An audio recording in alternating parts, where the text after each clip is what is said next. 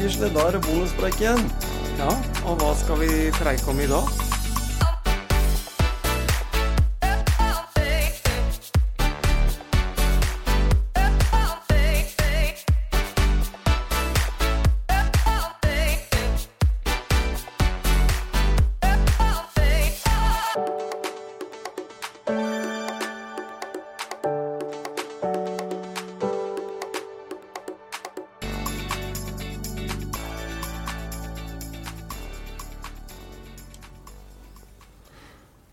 Ja, Gisle, jeg syns det var kult at eh, du sier i introen her at eh, hva skal vi preike om i dag?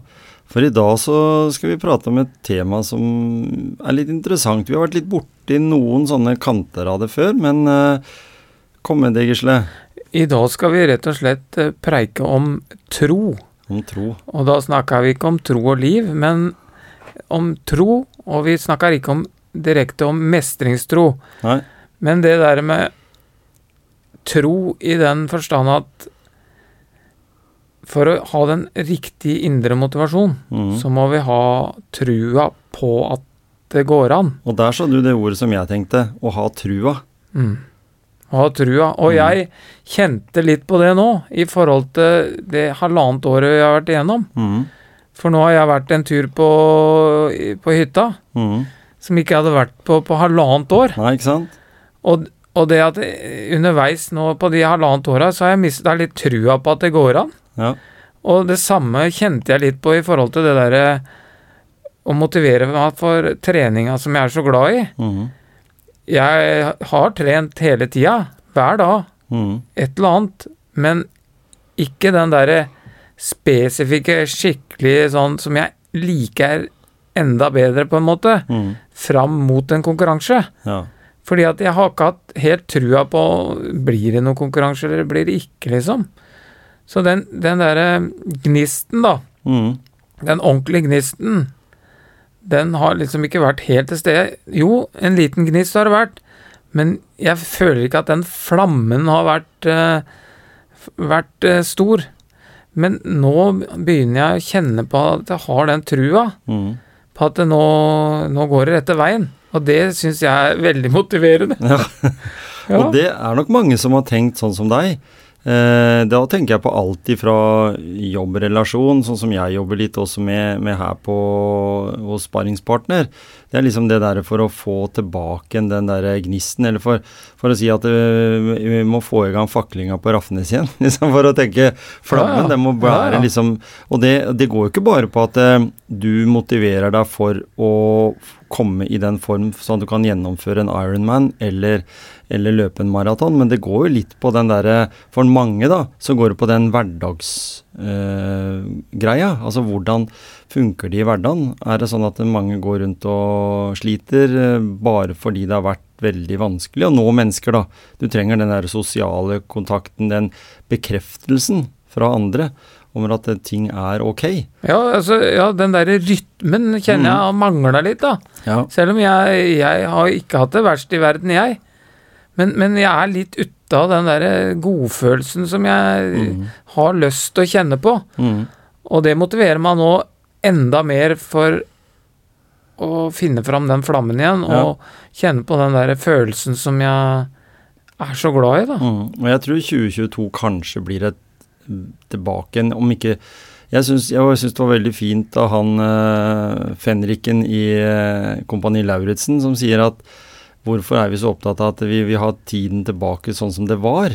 Hvorfor ikke tenke at vi får en bedre tid nå, når vi kommer inn i 2022 liksom med fullvaksinerte, de fleste ø, sykdomstilfellene er så å si borte.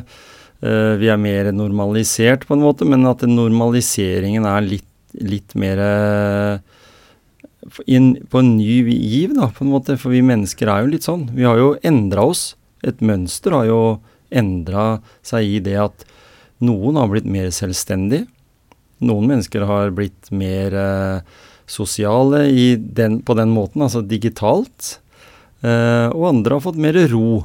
Så det er jo noe godt å Jo, ja. overføre med, med, Ja, med korona nå. Ja. Men, men allikevel, det som du sier der, at eh, mange utøvere, da, hvis, hvis vi setter Gisle Johnsen i kategorien, fordi du trener deg ofte opp mot en Ironman eller en, en, en triatlon, så er det nok riktig det at du sier at det har blitt litt sånn øh, Kanskje du har gått ned et to-tre knepp på intensitet. Fordi du ikke har noe spesielt mål? Er, er, det litt sånn, eller? Ja, det tenker jeg. Det har ikke bare med idrett å gjøre, det har med, med andre ting å gjøre òg. Mm. Hvis, hvis, ikke du har den derre trua, da. For tru kan flytte fjell, er det noe som heter, ja. og det har jeg litt tru på. For, mm. for, liksom Hvis du virkelig har trua, så jobber du også mer målretta mm. mot, uh, mot, det du ønsker å oppnå, da. Mm. Mm. Og det bør, ikke være, det bør ikke være idrett. Det kan være andre ting i livet. Men det er liksom Hvis ikke, hvis ikke du har trua på at i andre enden så kommer du til et resultat mm. Det er ikke dermed sagt at det resultatet blir 100% det har vi snakka om før. Men det kommer et resultat ut i andre enden. Ja.